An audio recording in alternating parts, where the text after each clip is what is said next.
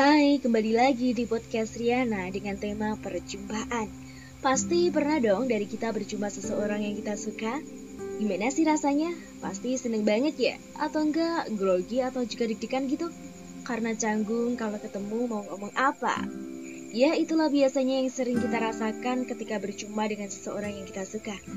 Tapi tahu nggak sih caranya biar kita nggak ketahuan kalau lagi suka sama dia? Hmm, terlebih juga sikap kita pasti agak beda kalau udah ketemu secara langsung dan lihat langsung. Rasanya pengen senyum-senyum sendiri, tapi malu di depannya.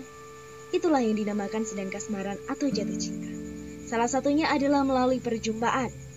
Secara tidak langsung, ketika sedang berjumpa dengan seseorang, pasti ada interaksi melalui kontak mata atau pandangan dan juga berbicara dan saling menanyakan. Tapi selalu berhati-hati saja ketika sedang komunikasi dengan orang lain terlebih dengan orang yang sama sekali belum kita kenal. Tetap bersikap sopan dan selalu mengingat santun di mana pun berada. Dan itulah pembahasan mengenai tema perjumpaan kali ini. Terima kasih sudah mendengarkan podcast kali ini dalam challenge 30 hari bersuara.